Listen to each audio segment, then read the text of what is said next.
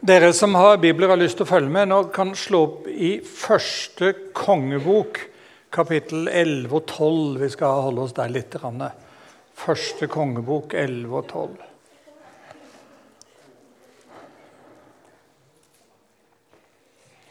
I det hele tatt så blir det mye første kongebok nå.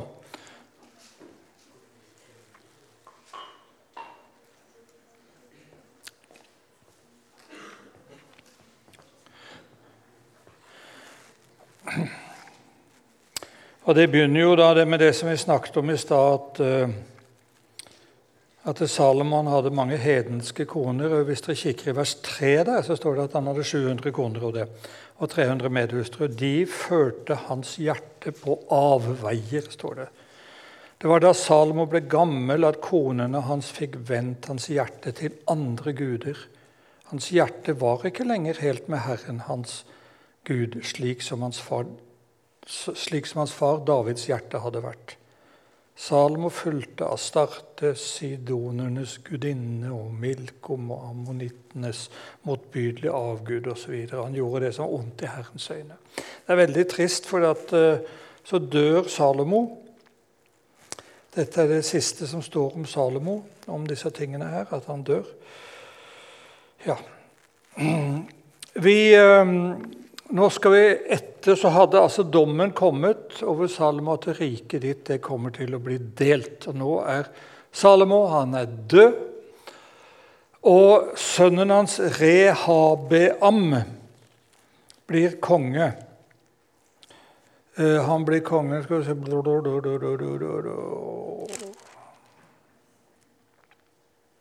Hvis det går helt til slutten der nå, i kapittel 11, helt på slutten 40 år var Salomo konge i Jerusalem og regjerte over hele Israel. Så gikk Salomo til hvile hos sine fedre. Altså han dør og blir gravlagt i sin far Davids by i Jerusalem.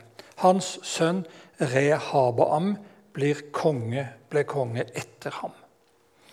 Det som, og nå får vi altså, Jeg skal si litt om den delingen, eh, der, men nå har vi de det meste om det som står om de to kongedømmene. Og det kan jeg godt si med en gang. Hvis dere, dette kommer til å gå i surr for dere, så skal dere ikke tro at det er fordi IQ-en deres er for lav. For det greiene her er fryktelig vanskelig. fordi at I kongebøkene, også i krønikebøkene, der det står det, så kommer de hulter til bulter. Skriver vi om det Nordriket, eller skriver vi om Sørriket? Altså hopper de fram og tilbake i det. Det er et virvar, altså. Og jeg har ikke noe illusjon om at jeg skal klare å få dette sånn helt på plass, men kanskje litt på plass, med noe av det i alle fall. Det som skjedde det Jeg skal ta litt bare først om noe, men den delingen eh, vi er i første kongebok, kapittel 12. Og så står det sønnen, en av sønnene, da, selvfølgelig, Rehabam, han var blitt konge. Og så drar han Rehabam.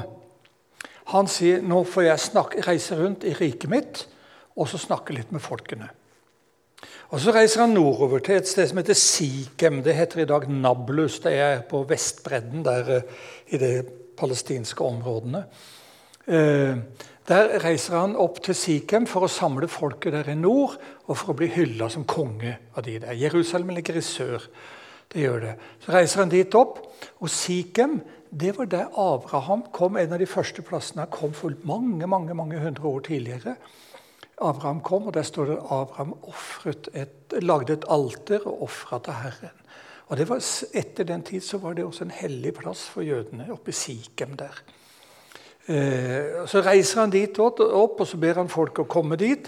Han Rehabam, for nå skal han bli eh, konge for dem. Men han ble ikke tatt noe særlig godt imot. Han ble ikke tatt noe særlig. Folket er trøtte og leie.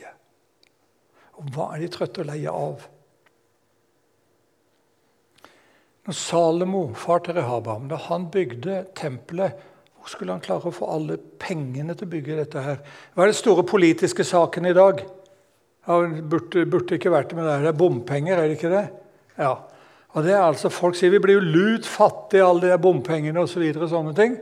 Og Det var ikke akkurat bompenger på den tida, men Salomo hadde skrevet skatt skatter, massevis skatt, skatt, skatt, skatt på folk i hele Israel for å få penger til å bygge dette greiene her.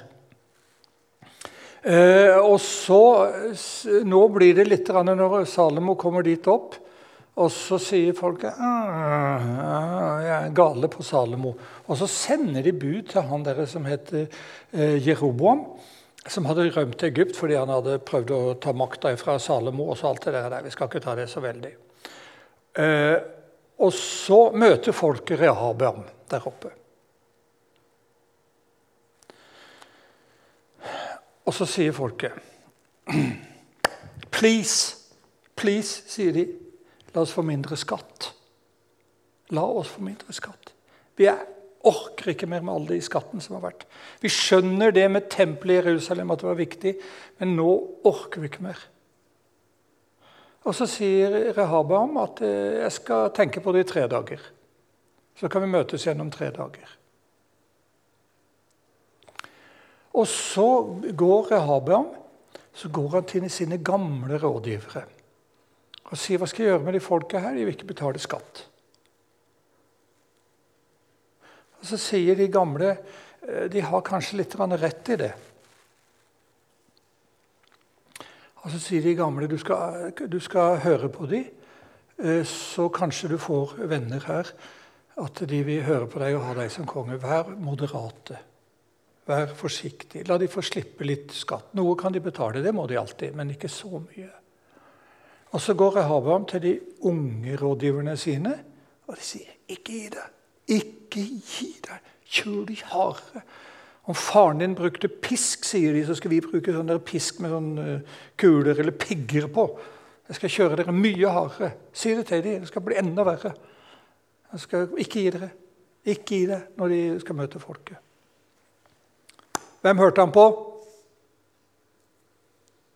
Han hørte på de unge. Og Så går han tilbake møtes de tre dager etterpå, og så sier han dere skal få det enda mye verre. Dere skal få det enda mye. Dere som har Bibelen foran dere, kapittel 12, vers 11 f.eks. Min far la et tungt åk på dere. Jeg vil gjøre det enda tyngre, sier han. Min far tuktet dere med sveper. Jeg skal tukte dere med piggreimer. Det er det beskjeden han har til folk i nord. Jeg er ikke noe tøffelhelt eller pingle. Jeg er en tøff konge, og dere kommer til å få det tøft under meg, sier han. Hva skjer da? Da sier de der oppe i nord Dette godtar vi. De gjør opprør, for å bruke et sånt ord. De gjør opprør. Og de ti stammene Det var tolv stammer. Tolv Israels stammer. De ti stammene der i nord de bryter ut og danner sitt eget rike. De rett og slett sier vi kan ha deg, skal pelle deg hjem igjen til Jerusalem. Vi har vår egen konge. Det er Jeroboam, han som er kommet fra Egypt nå nettopp. Han skal være kongen vår. Ja, Det sier dere ikke. Det er det som står nederst. At de gjorde Jeroboam til konge. Og så bryter de med kongen, med Salomo sin sønn, og sier vi danner vårt eget rike. Det kaller vi Nordriket, eller det var det som ble kalt for Israel den gangen.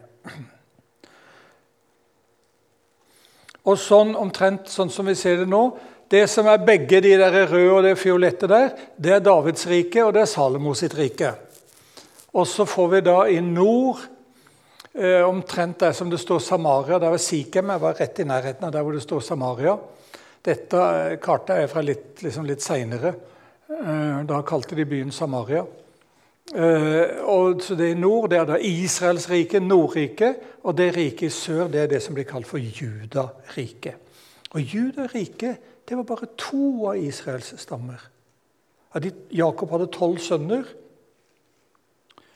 Og når de kom tilbake til landet, da, så ble landet delt i tolv biter. Og så er det kanskje noen av dere nå som sier Ble ikke dette feil? Det var en av de tolv stammene som ikke fikk noe jord i det hele tatt. Det var de som skulle ha prester, de som hørte med til Levis stamme. Så det var egentlig bare elleve av liksom, de stammene som skulle dele landet. Hvorfor sier vi tolv, og hvorfor ble det tolv? Jo, fordi at to av Josef han var en av de tolv sønnene til Jakob. En av de tolv brødrene. Og Josef hadde to sønner, Efraim og Manasseh. Og de to fikk hvert sitt område. Så du kan si Josef sitt Josef fikk to biter, da, for å si det sånn. Det var elleve av de tolv som fikk, men de fikk det. Og så Levis stamme, det var prestene. Ble det litt komplisert, men ikke bry dere om det i det hele tatt. Det var ti stammer i nord. Det var ti stammer i nord, og de brøt ut og lagde sitt eget. Og det var bare to stammer igjen der i sør, i Judariket. Eh, det var det. Men og Der var Rehabeam, han ble da konge. Men det var der Jerusalem lå. Det ligger i sør. Det ligger i sør. Og tempelet, det er i sør. Og så sier jeg bare her veldig kort nå at Mellom de to rikene som nå som vokste fram, og de var to adskilte kongedømmer, som er helt blanda inn i kongebøkene og krønikebøkene. Blanda om hverandre. Men det, var, kunne være noe litt krig mellom de, og det, stort sett så var det sånn greit nok, kan vi si. Og så skal vi holde de fra hverandre sjøl. Folket var ett. Folket var israelsfolket. I dag, Nå skal vi bare ta Nordriket, så får vi ta Sørriket seinere. Eh, nå er vi også i andre kongebok, kapittel 12, og 13 og 14. Og Jeroboam, første kongen, han var konge i 22 år. Var han en god konge? Nei. Ikke hvis vi tenker åndelig, i alle fall. Riket i nord, det, altså Israel, Nordriket, det ble større enn Judariket. Det var mektigere enn Judariket, og de var rikere enn Judariket og alt det der greiene der. Men Jeroboam, første kongen, han var ingen god konge. Det står han gjorde det som var ondt i Herrens øyne. Og hvis dere, dere som har slått opp nå i kapittel 12, hvis vi ser i, fra vers 26 der, i kapittel 12, så er det Jerobam han sier noe til seg sjøl her. Det riket mitt altså, det kan snart gå tilbake til Davids hus. Og hvorfor det? Jo, fordi tempelet lå i Jerusalem. Skal dette folket dra opp til Jerusalem og bære fram offer i Herrens hus, kan de igjen komme til å vende sitt hjerte til judakongen Rehavam. Han sier altså De er jo jøder. Tempelet er i Jerusalem. Dette er risikabelt for meg. At folket etter hvert som liksom det får roa seg litt, så begynner de å reise til Jerusalem og til tempelet i Jerusalem. Jeg må finne på noe. Og så bygger han, lager han noen gullkalver, og så lager han noen offersteder. Og så lager han forskjellige plass der. Og så velger han også prester, ikke fra Levis stamme, men han tar noen andre, det som Gud hadde sagt at ikke de skulle gjøre.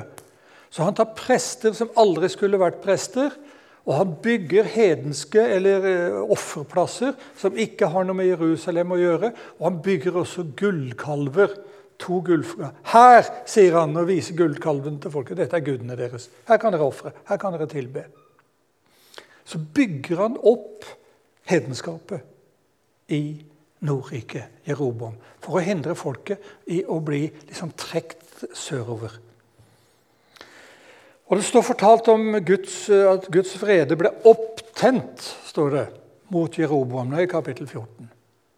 For det som Jeroboam gjorde. Han var sikkert en mektig konge, men han tar vekk hele den åndelige, den bibelske, for å bruke det, gudstjenesten, og så bygger han opp en hedensk gudstjeneste for å skille de ut ifra det som foregikk i tempelet i Jerusalem.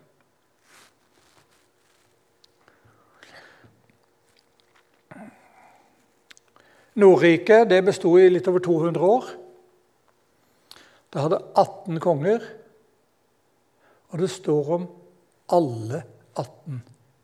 Alle 18 at de gjorde det som var ondt i Herrens øyne. Alle 18 kongene. Det er én som det er noe godt med, en som heter Jehu. Men, ellers, men det er også mye galt med han nå. Men ellers, alle 18 kongene, står det at de gjorde galt. Ondt, står det i Herrens øyne. Nordriket ble et rike som på alle måter vendte seg vekk fra Moses, det de hadde lært fra den. De vendte seg vekk fra profetenes ord. De vendte seg vekk fra omtrent alt som hørte skal vi kalle det kristent. Vi er kristne ikke den gangen, men altså, de gjør det som er ondt i Herrens øyne. Og gjennom hele riket, de forskjellige kongene Hva står det om de, de forskjellige kongene? Det står det, De gjorde Jeroboam sine synder. De gjorde Jeroboam sine ugjerninger. De gjorde det onde som Jeroboam hadde gjort.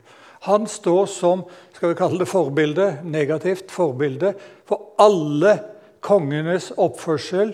De gjorde det som Jeroboam gjorde, og det var altså å gjeninnføre hedenskapet og fjerne seg fra Guds ord og det som Gud hadde lært dem. Og begynte å dyrke hedenske guder, massevis av dem. Og så er det en av kongene som vi skal snakke om. Han heter Akab. Ahab står det nå.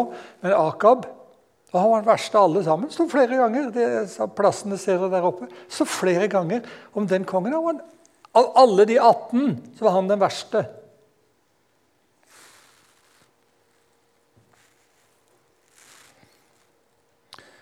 Han var ikke så ille. Stakkar. Jeg syns synd på Akab. Jeg, jeg syns veldig synd på Akab.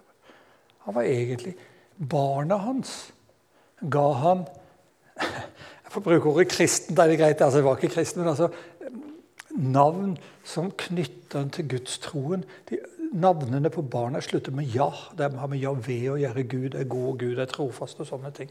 Altså Når et navn i jødedommen slutter med ja, så er det med at det er Gud, Javé. Det har noe med Gud er min eh, verner meg, og Gud er god, og Gud er trofast. Altså det er alltid den ja-en på slutt. Det er mange Jeremia, Jesaja og de herre her. Det er sånne ting. Så Sjøl Akab ga ungene sine navn som har med Gud å gjøre. Vi får ta med det eneste positive med han. Det var det eneste positive her. Men han gjorde de samme syndene som Jeroboam, står det.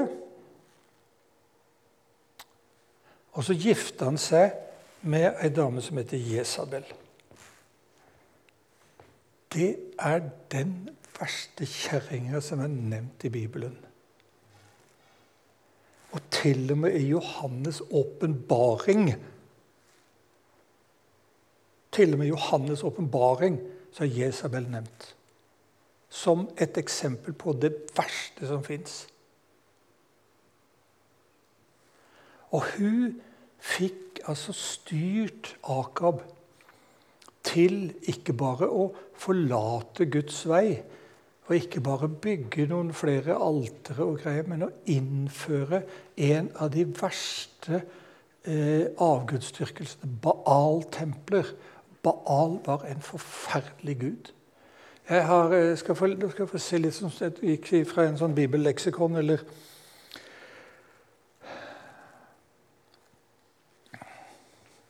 Baal var en hedensk gud over storm og fruktbarhet. Så langt er det ikke så ille. Baal ble ofte forbundet med fruktbarhetsguden av Starte. Det er ikke så ille, jo det er det, men det.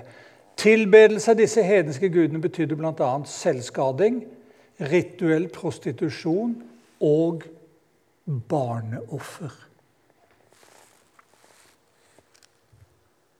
Og seinere Nå skal vi ikke ta det, vi kan bare nevne det litt. Også i Sørriket seinere var det gode og dårlige konger. Men der står det om noen av kongene at de lot sønnen gå gjennom ilden. står det. Og Jeremia har profetert mot det. sagt må ikke skje. Men de gjorde det, noen av kongene. Og la sønnen gå gjennom ilden. Det betyr de ofra sønnene sine. Barneoffer. Menneskeofringer. Det innfører de nå disse kongene her. Og nå er, vi, nå er, det ganske alvorlig her, altså. Det som skulle være Guds folk, israelsfolket. Og så begynner de å ofre unger.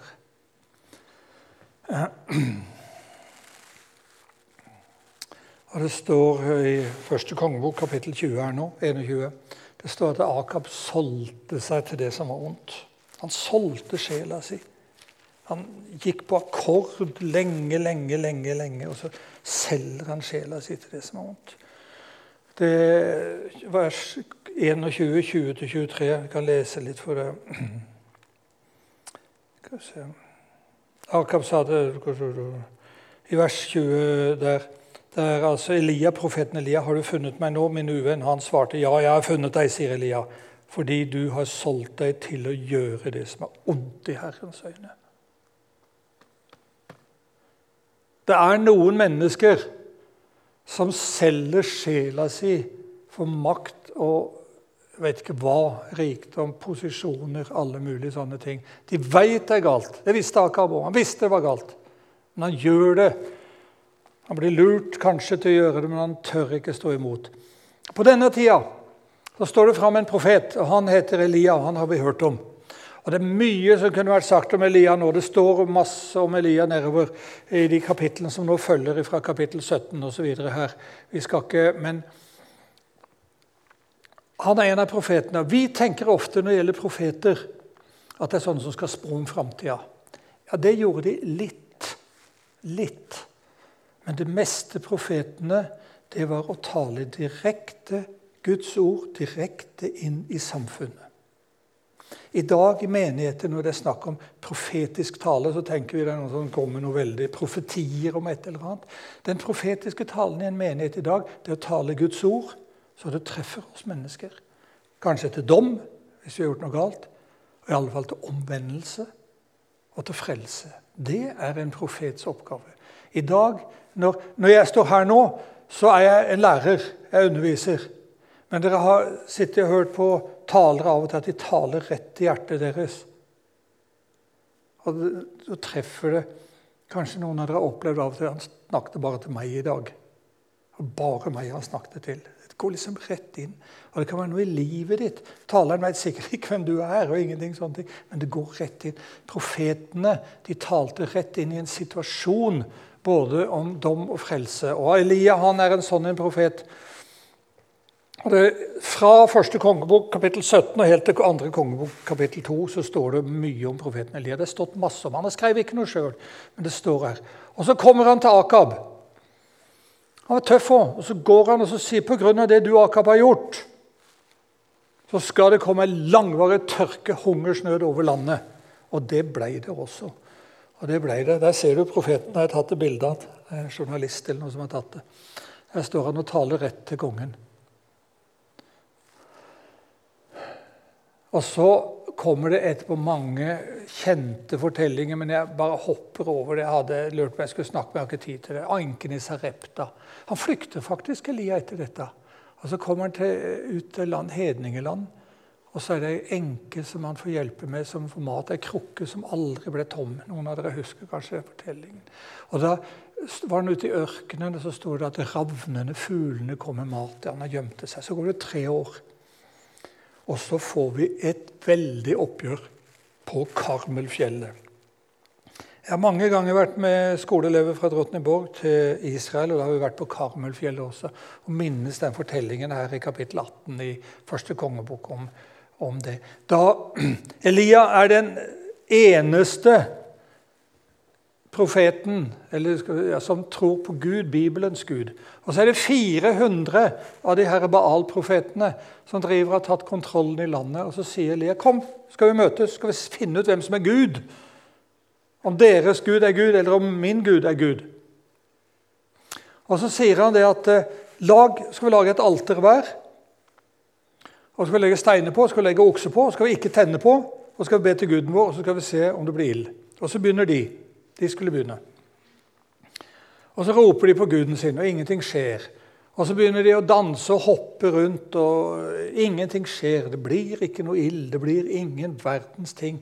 Og så danser de mer, så begynner de å skjære seg opp, så blodet renner. Holder på til langt utpå. Så begynner Elias så begynner han litt stygg med dem. Han begynner å mobbe dem og sier å, kanskje guden deres sover. Dere får rope litt høyere, kanskje han hører dere. Kanskje har gått avsides, står det. Det betyr at han kanskje har gått på do. Eh, og litt sånne ting. Så mobber han de, og ingenting skjer. Og så Ingenting skjedde. Og Så kommer Elias og så sier han, lager han alteret og så legger han veden oppå og så sier han til folk hent vann. Tømmer de på vann. Hent mer vann. Tømmer de på mer vann. Og så står Elia der og så ber han en kort, liten bønn. Han hopper ikke, han skriker ikke. Jeg blir litt stressa når det er sånn i menigheter det er folk som hopper og danser og skriker så forferdelig høyt med toneleie som ikke er naturlig for dem i det hele tatt. Og så videre, sånne ting. Samme det. Det gjør iallfall ikke. Ja, ber ei lita bønn, og så sier jeg, Gud, vis hvem som er Gud nå. Så folket kan skjønne så folket kan skjønne at det er du som er Gud. Vopp, sier det. Og så ser dere på bildet. Brenner det opp alle sammen. Det blir en voldsom virkning på folket. De kaster seg ned og sier vi vil vende om til Gud igjen. Akab han flykter. han. Akab han flykter til der han bodde, langt vekke. Og så videre, sånne ting. Og så skjer det noe veldig rart. Så skjer det noe veldig rart. Jeg skulle tro at liksom Elia blir nå seierherren. Elia blir redd. Og så flykter han av gårde, han også. Han mister motet. Han mister motet. Han er så utlada at han klarer ikke mer. Og han ønsker å dø, rett og slett. Han sier 'ta livet mitt', sier han. 'Jeg klarer ikke mer'. Og Det skal dere også være klar over. Åndelige, altså pastor eller ledere, kristne ledere, de kan også bli slitne. De kan også bli nedfor. De kan også gå inn i depresjoner. De er mennesker, de òg. Og til og med Elias som har opplevd dette greiene her, har mistet motet. Kapittel 19 forteller om det. Her. Han mister motet. Han vil dø. Han klarer ikke mer. Nå kom Gud i møte med ham på en stille, fin måte. Still deg opp utenfor den hula du nå bor i, sier han, så skal jeg passere. Og så kommer det noe lyn og torden, og sånn, så står det Gud var ikke det. Og så kommer det stille susen, står det igjen. Stille, rolig. Trenger ikke være så veldig. Og så går Elia tilbake igjen. Så står det litt i at han ble tatt opp til himmelen i andre kongebok, kapittel 2. Og helt den siste boka i Det gamle testamentet, Malaki, profeten Malaki, så står det Elias skal komme igjen. Like før Messias kommer, står det. Kapittel 4 hos Malaki. Helt på slutten av Gamle testamentet. Profeten Elias skal komme igjen rett før Messias kommer. Og Så hopper vi inn i Nytestamentet, og så sier Jesus døperen Johannes. Det var Malaki, for å si det sånn. Døperen Johannes er oppfyllelsen av den profetien. Han som sto i ørkenen og sa 'Jeg skal rydde Herrens vei', før Jesus kom. Det er de der henvisningene som jeg har der. Profeten Elia. Så er det noen andre profeter som virka i eh, i Israel, i Nordriket, profeten Amos. Amos, Det er en røff bok. Det er veldig røff. Amos han var fra sør, egentlig, og så dro han nordover. Han var gjeter rundt om i Betlehem, og var på sånn ca. 750 eh, før Kristus. Oppe i Nordriket der drev han. Og det er et rikt rike. Jeg sa de, Nordriket var mye rikere enn i sør. Mye rikere. Det var de. Åndelig var de på bånn. Og de rike undertrykker de fattige. Noen sånne plasser, Jeg vet ikke hvor mye vi skal lese og bruke tid på dette, men eh, de eh, Skal vi se om jeg kan finne Amors, der har vi han med en gang. 4.1. Hører han kaller de der rike damene oppe i nord der. Hør dette ordet, dere basankyr, sier han på Samarias fjell. Dere som undertrykker småkorsfolk og knuser de fattige. Og som sier til mennene deres, 'Hent noe å drikke til meg!' Ja, Og så sverger Gud at han skal, skal komme dager da de skal slepe dere med haker ut, sier han. Straffen skal komme over dere. De ville ikke, de ville ikke vende han. Amos han preker og han preker og han forteller Gud straffer synd. Gud straffer synd, og de vil ikke høre i det hele tatt. Og I kapittel står det om igjen fire så står det om, men, men dere vendte ikke om til meg. Og så står det noe mer, men dere vendte ikke om til meg. Og enda igjen så står det, men dere vendte ikke om til meg. Og dere vendte ikke om til meg. Hele kapittel fire. Så, vers 12. Nå må du gjøre deg klar til å møte din Gud Israel. nå kommer dommen. Folk som ikke vil vende seg om. Folk som ikke vil høre Guds røst. Folk som ikke vil adlyde Guds ord og leve etter Guds vilje. De vil ikke. Jeg snakker ikke om noen som faller i synd, men de vil ikke. De vil ikke høre. En dag skal de møte Gud til doms. Og dette er det som eh, Amos forteller. Åssen gikk det med folket? Omvendte de seg? Nei. Nei. De ble sinna på ham. De ble sinna på ham. De jagde han vekk. Måtte rømme fra landet. De ville ikke høre Guds ord, og de ville ikke adlyde profeten når han taler om den livsførselen de har, om omvendelse. Og Det står i kapittel 5 her, som jeg hoppa over, men altså når de kommer med offer, de ofrer også Dere mener ingenting med det, sier det er tomt. Og Gud sier, 'Jeg blir kvalm av de der ofrene deres.' Jeg blir kvalm, Dere mener ingenting med det. De gavene som dere gir til meg, sier Gud, hva er det for noe? Det er bare hykler i hele greiene. Dere bryr dere ingenting om det dere holder på med. Og så kommer dommen, og så blir den forkynt.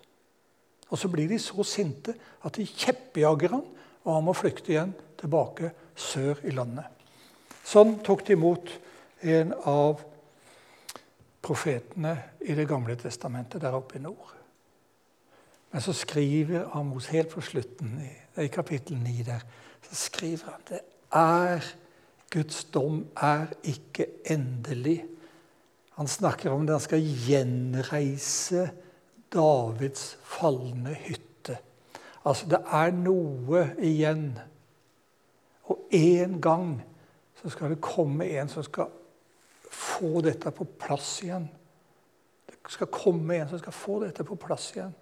Jeg vet ikke om Amos så dette så tydelig hvor det var, men han hadde et budskap fra Gud at det skal komme en en gang som skal gjenreise Davids falne hytte. Altså få tingene på stell igjen og få det på plass igjen. skal komme. Det er en litt forsiktig Messias-profeti. Men når vi som kjenner Nytestamentet, vi har ikke noe problem med å se hva det er egentlig Amos forteller om. Det skal komme en en gang. Som skal rydde opp igjen alt det sviket som folket har gjort. Og så skal han få det til og på plass igjen. Og Så er det en profet jeg skal bare nevne han også. Profeten Hosea. Omtrent samtidig med Amos. Han var også oppe i nord. Han var også oppe i nord. Jeg sier 'stakkars folket'. Han var omtrent samtidig med han. Og det igjen, jeg skriver det var en glanstid. Det var et rikt rike. Og åndelig så var det på bånn, altså. Og nå begynner anarkiet. Dere kjenner det, lovløsheten å komme. Kongene eh, fungerer ikke noe særlig, de siste kongene der.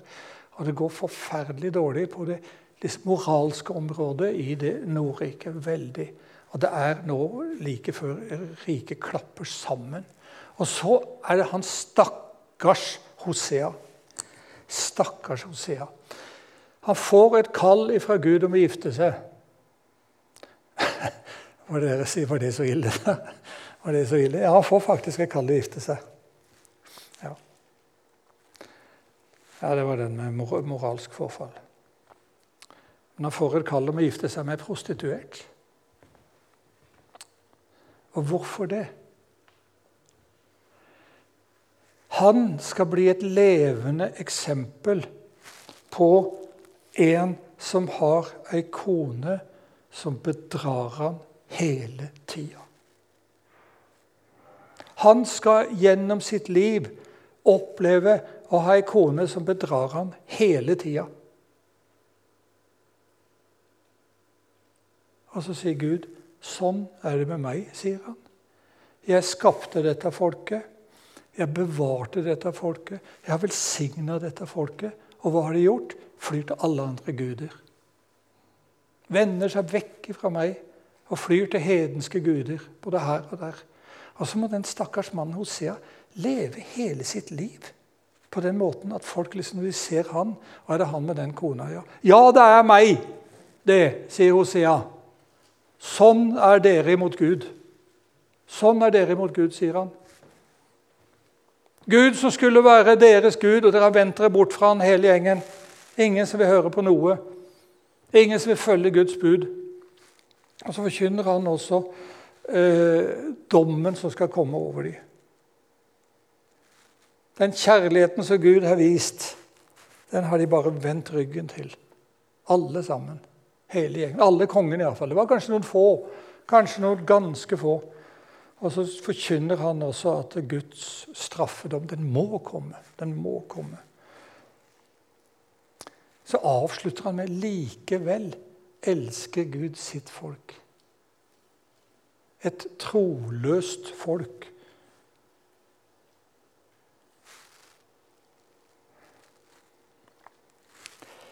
Jeg tenkte ikke jeg skulle preke her i dag, men norske folket som har blitt velsigna gjennom generasjoner, altså. Åssen er det i dag? Vil det norske folk leve etter Guds bud og lover?